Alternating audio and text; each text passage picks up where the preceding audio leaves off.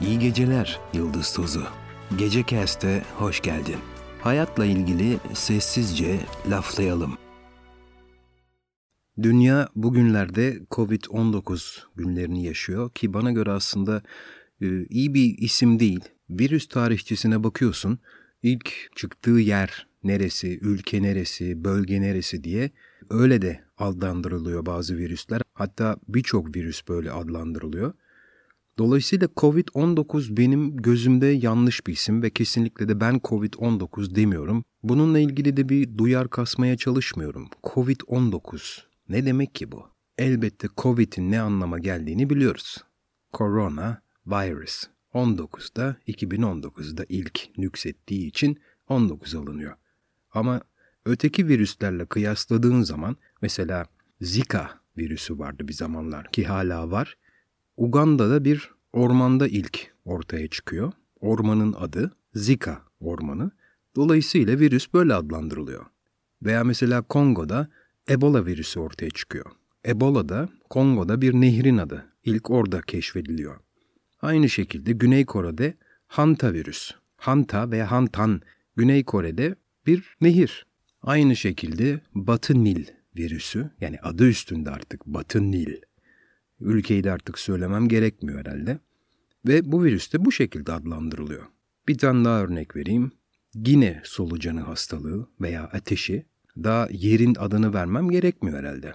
Dolayısıyla bana göre bu virüsün adı Covid Movid falan değil. Ben buna kısacası Çin virüsü diyorum. Hadi Wuhan'da geçerli. Çünkü ilk orada yükseltti.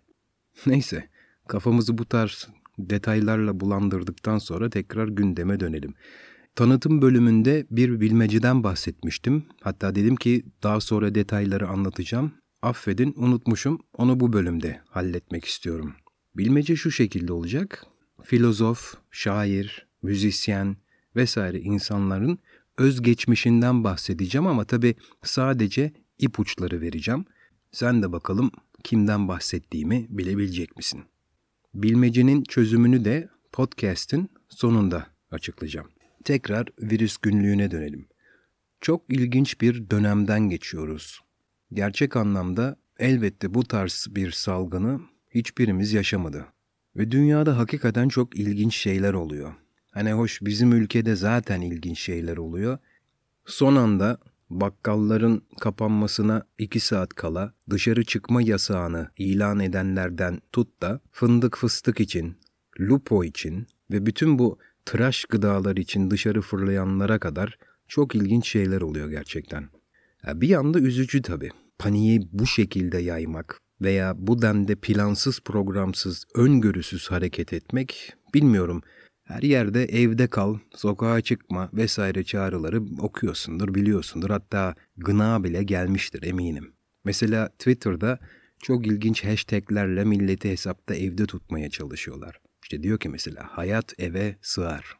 Bazı arkadaşlar da çok esprili şeyler yazmış. Mesela aklımda kalanlardan bahsedeyim. Bir tanesi şunu yazmış.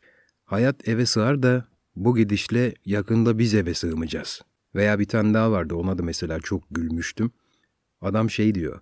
E ne yapalım işte abi evdeyiz. Hanımla muhabbet ediyoruz, sohbet ediyoruz, konuşuyoruz falan.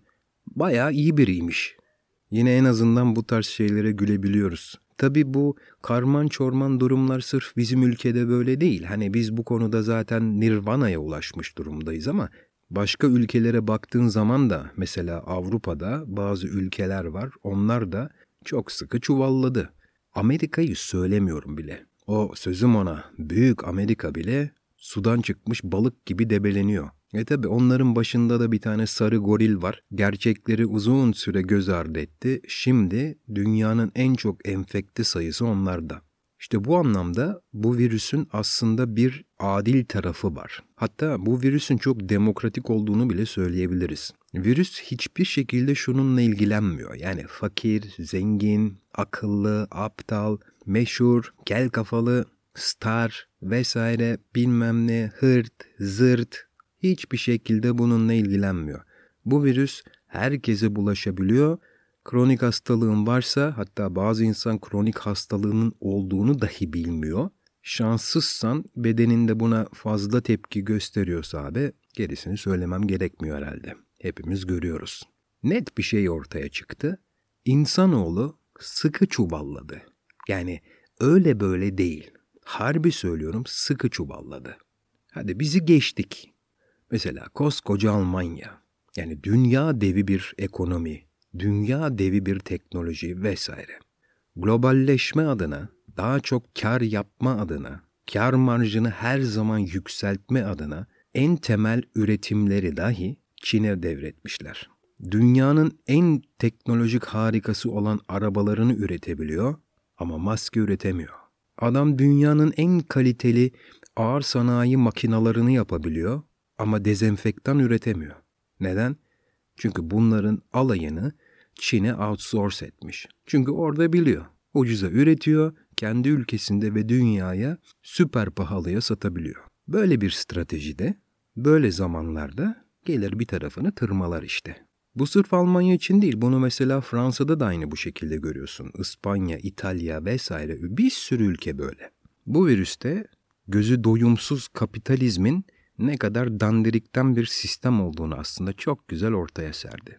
Şahsen hayal kırıklığım çok büyük. Mesela ben hatırlıyorum 2017'de, 2018'de, 19'da yani son 2-3 senedir bu dijital transformasyondan bahseden insanlar, şirketler, büyük liderler vesaireler aylarca, yıllarca bize şeyi anlattılar.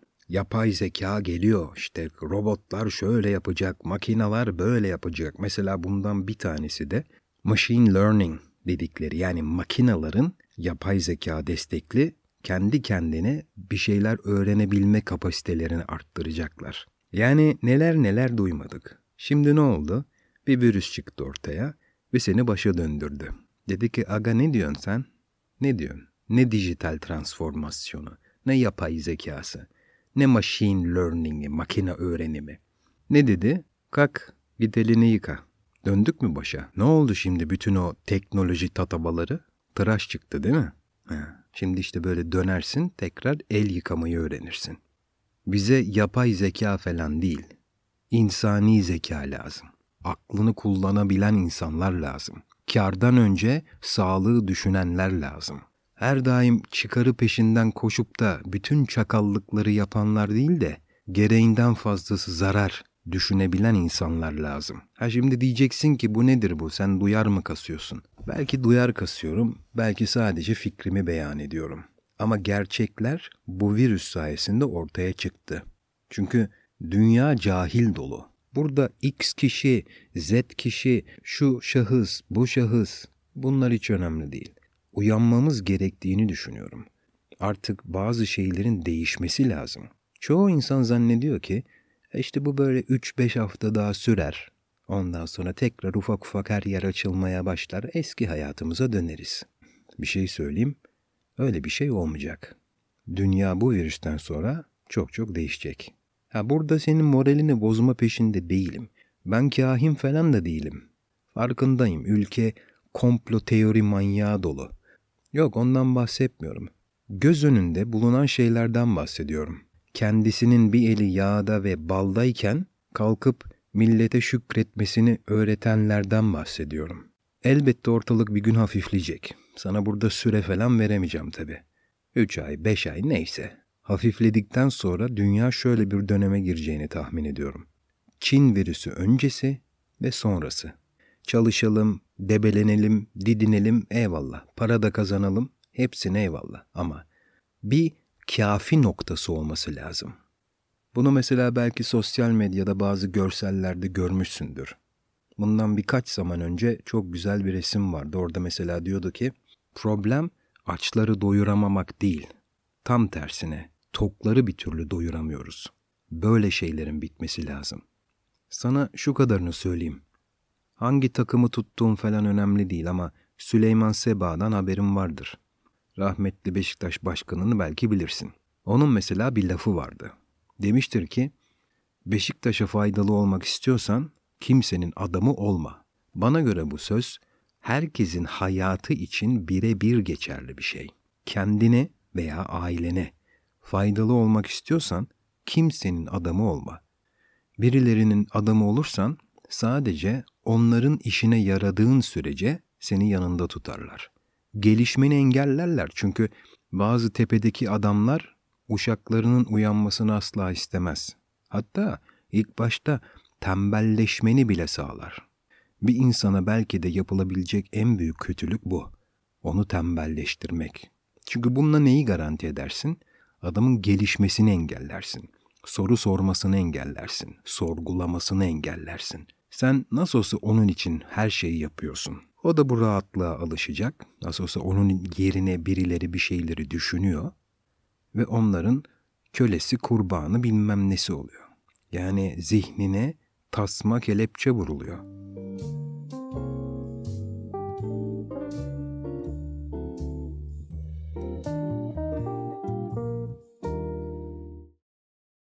Milattan 427 yılında doğdum. Ege'de. Ailem şehrin ileri gelen soylu ve varlıklı ailelerinden biriydi.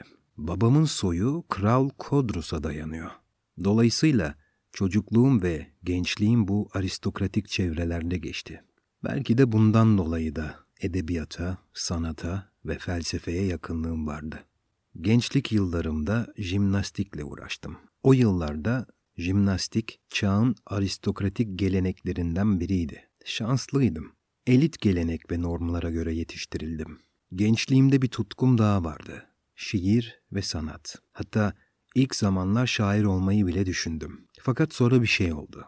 Biriyle tanıştım. İnanılmaz bir usta, düşünür ve çağımızdan çok öte bir bilge. Ondan öğrendiğim şeylerden sonra yazdıklarımdan asla tatmin olmadım. Onları çok yüzeysel buldum. Çünkü var olmanın derinliklerini arıyordum. O noktadan sonra yalnızca var olanların bilinebileceği düşüncesinden hareket ettim. Bilgi kuramını varlık kavramına dayandırarak anlattım. Kavranan evren yani yalnızca zihnimizle algılayabileceğimiz evren, gerçek bilgiyi de içinde barındıran evrendir. Ben buna inandım. Bütün ideyaların iyi ideyadan doğduğunu söyledim. Ve şunu ekledim. İyi, yaşamda erdemli olmanın tek amacıdır. Soylu ve aristokrat bir aileden gelmenin avantajlarını kullanarak insanları yıllarca etkileyen eserler ortaya çıkardım. Ve daha sonra milattan önce 347 yılında 78 yaşında doğal sebeplerden dolayı hayata gözlerimi yumdum. Ben kimim? Hakikaten bilgi çağında yaşamıyoruz artık. Bilgi management yani filtreleme çağındayız artık. Doğru bilgiye, gerçek bilgiye yani işin ehlinden gelen bilgiye ulaşmak için önce bir filtre sistemi kullanman gerekiyor. Yani yandaşlar belli zaten onların görevi bu. Sosyal medyada troller eyvallah bunları da anladık.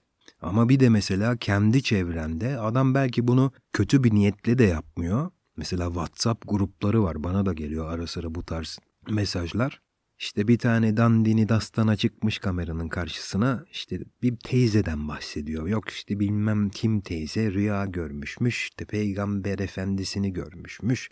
O da rüyasında şöyle demiş suma suya karıştırıyorsun içiyorsun falan. Bu adam da bundan bahsediyor.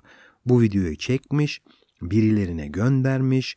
Bu birilerinden bizim arkadaşlara geliyor bu video ve bana kadar ulaştı. Tabi ilk etapta çok güldüm. Fakat ondan sonra şunu düşündüm. Dedim arkadaş bu aslında tehlikeli ya. Çünkü tansiyon hastası olan bir insan o videoda anlatılanı yapsa harbi sıkıntı yaşar. Yani durup dururken gider yani. İşin kötü tarafı tansiyon hastası olduğunu bilmeyen bir ton adam var. Şeker hastası gibi mesela. Adam yıllarca şeker hastalığı yaşıyor ama bilmiyor. Çünkü gitmiyor doktora. İşte parası olmuyor, üşeniyor, göz ardı ediyor. Boş ver ben Türk'üm bana bir şey olmaz muhabbetleri yapıyor. İşte bu tansiyon hastalarında da var bazı böyle. Adamın ara sıra böyle başı dönüyor, birden gözü kararıyor falan. Neyse herhalde havanın sıcaklığından ya da bugün su mu içmedim ben falan. E şimdi böyle bir adam bu videoda tavsiye edileni bir içse böyle her gün düzenli 3-5 gün boyunca içse e ne olacak? Dediğim gibi bu tarz bilgiler çok tehlikeli arkadaşlar. Yani çok çok dikkat etmek gerekiyor. Bilgi çağında değiliz. Bilgi çağında filtreleme dönemindeyiz. Televizyonlara çıkan maymunları zaten söylemiyorum bile. Ben kendim çok nadir televizyon açarım. Neyse arkadaşlar ben size iyi geceler diliyorum. Bu ilk bölümü dinlediğiniz için teşekkür ediyorum. Umarım ikinci bölümde tekrar görüşürüz. İyi geceler. Ben kimim bilmecisindeki şahıs Platon.